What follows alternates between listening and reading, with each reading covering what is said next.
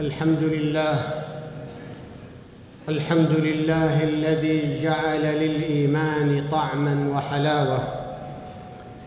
أحمده سبحانه وأشكره وقد تفضل لمن شكره بالزيادة.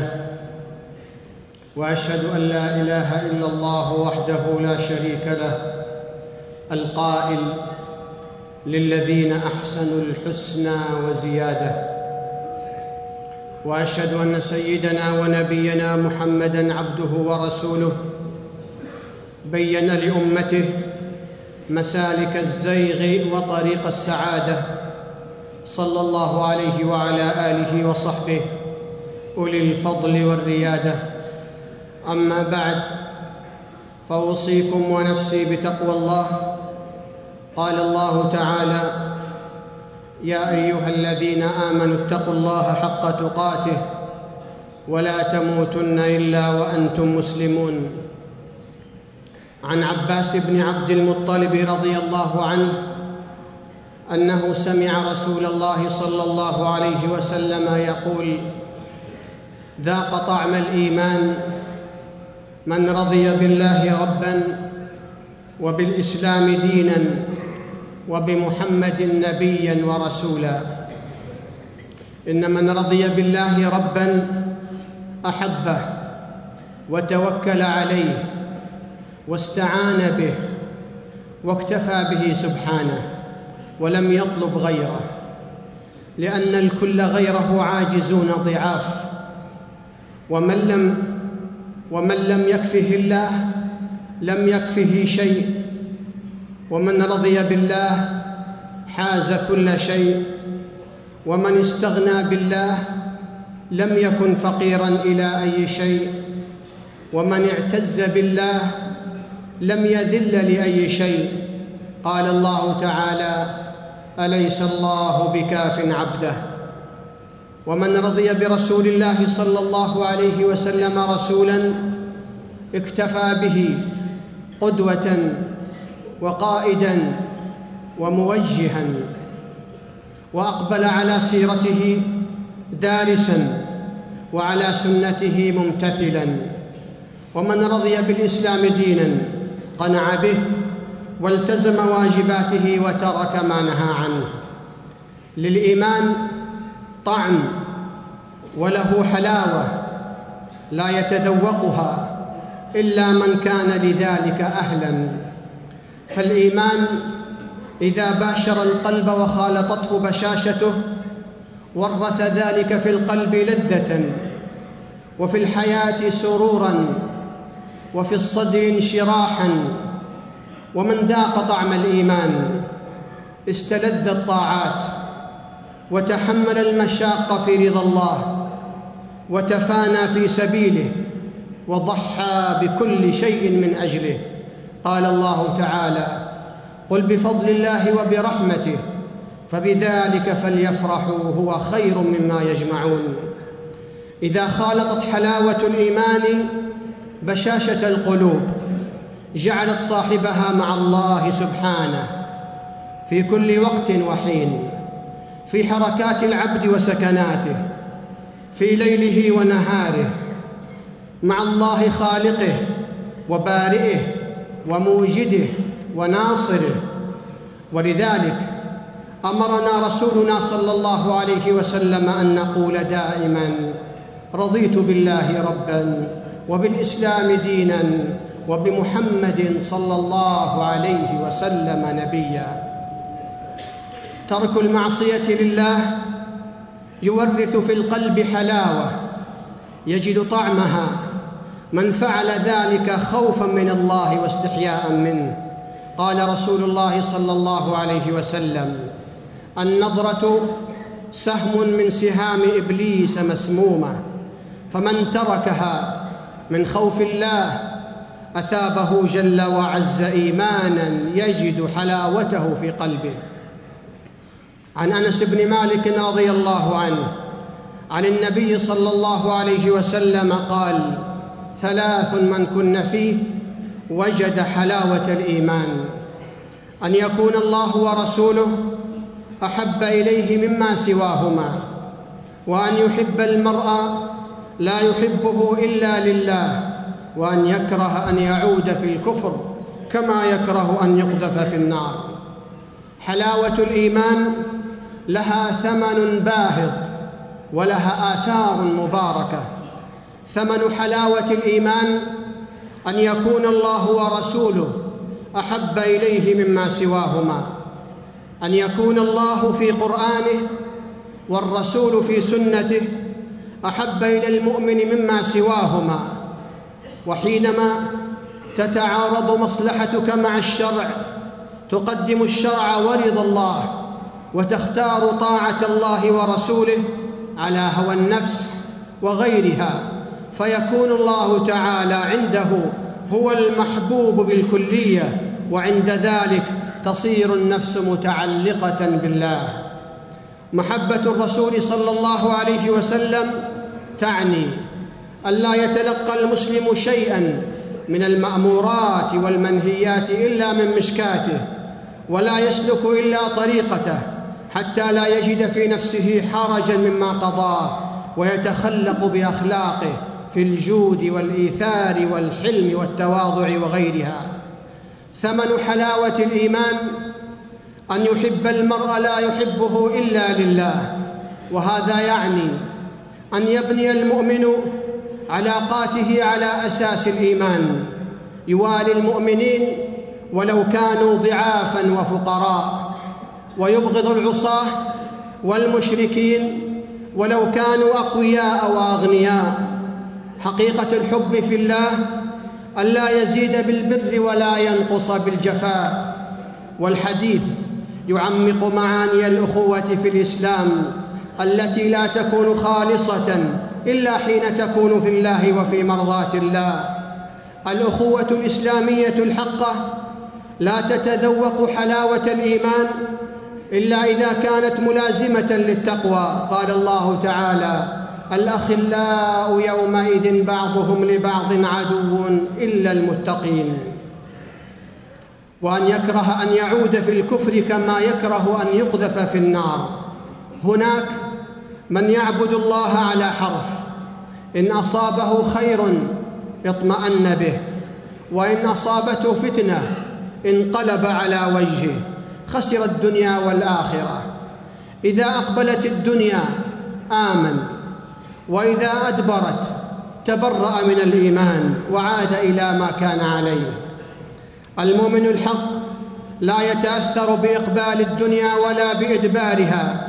ثابت الجنان صاحب عطاء في المنشط والمكره في الفقر والغنى في الصحة والمرض.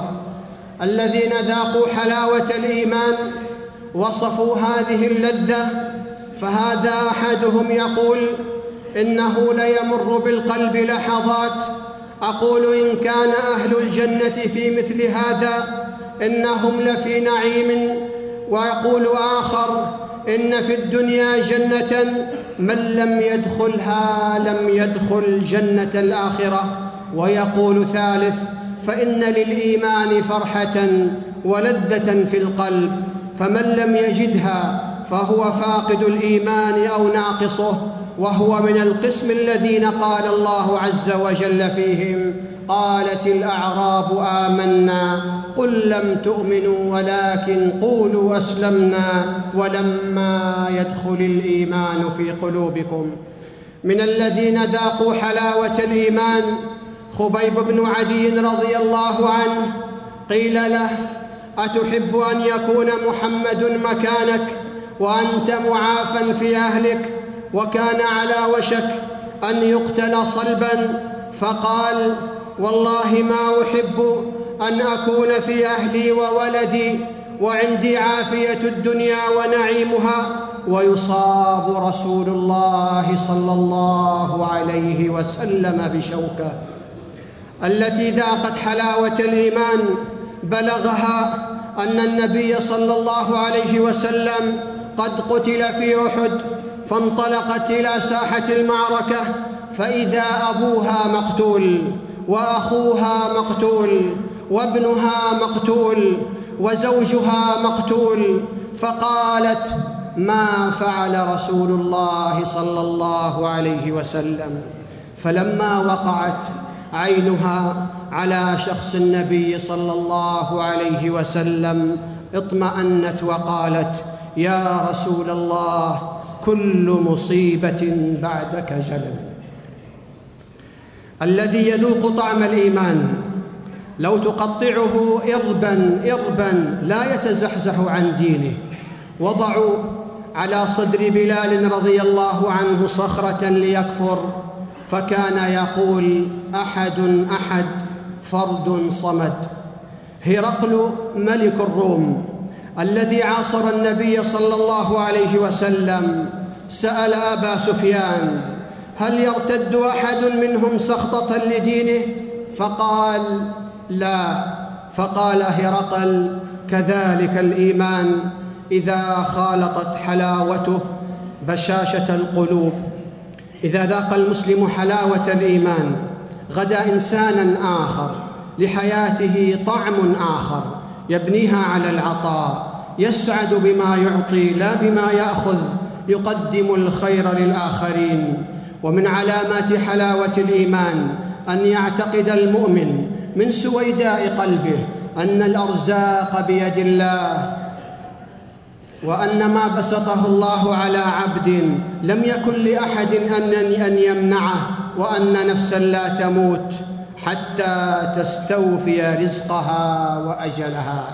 قال الله تعالى من عمل صالحا من ذكر أو أنثى وهو مؤمن فلنحيينه حياة طيبة ولنجزينهم أجرهم بأحسن ما كانوا يعملون. بارك الله لي ولكم في القرآن العظيم. ونفعني وإياكم بما فيه من الآيات والذكر الحكيم. أقول قولي هذا وأستغفر الله العظيم لي ولكم فاستغفروه إنه هو الغفور الرحيم.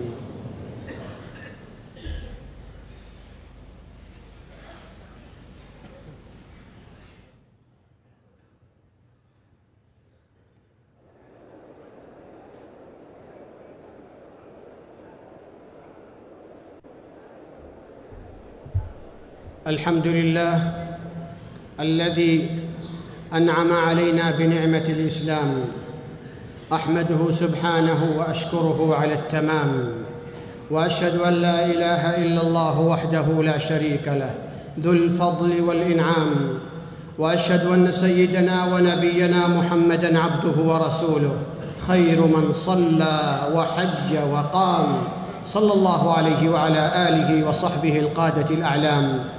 أما بعد فأوصيكم ونفسي بتقوى الله.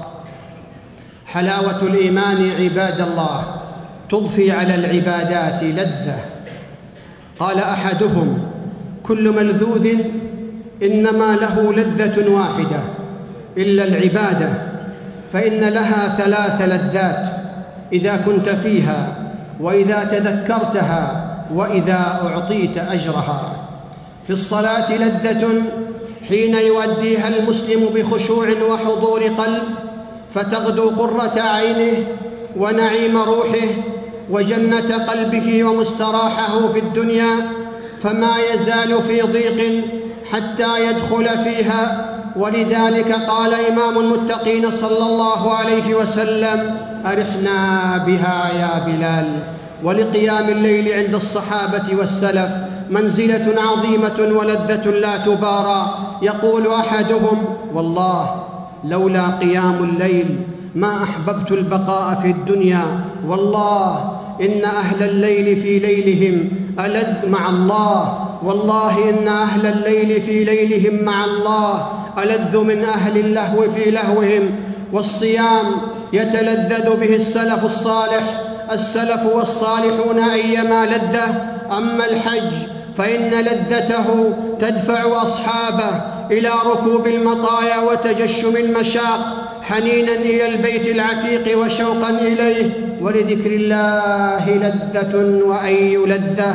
قال الله تعالى ألا بذكر الله تطمئن القلوب ولقراءة القرآن وتلاوته لذة. يقول عثمان بن عفان رضي الله عنه لو طهرت قلوبكم ما شبعت من كلام الله عز وجل قال الله تعالى ومن أراد الآخرة وسعى لها سعيها وهو مؤمن فأولئك كان سعيهم مشكورا ألا وصلوا عباد الله على رسول الهدى. فقد أمركم الله بذلك في كتابه فقال إن الله وملائكته يصلون على النبي. اللهم صل على محمد وأزواجه وذريته كما صليت على إبراهيم وبارك على محمد وأزواجه وذريته كما باركت على إبراهيم إنك حميد مجيد. وارض اللهم عن خلفاء الأربعة الراشدين أبي بكر وعمر وعثمان وعلي وعن الآل والصحب الكرام وعنا معهم بكفوك بعفوك وكرمك ومنك يا أرحم الراحمين. اللهم أعز الإسلام والمسلمين. اللهم أعز الإسلام والمسلمين. اللهم أعز الإسلام والمسلمين. وأذل الكفر والكافرين.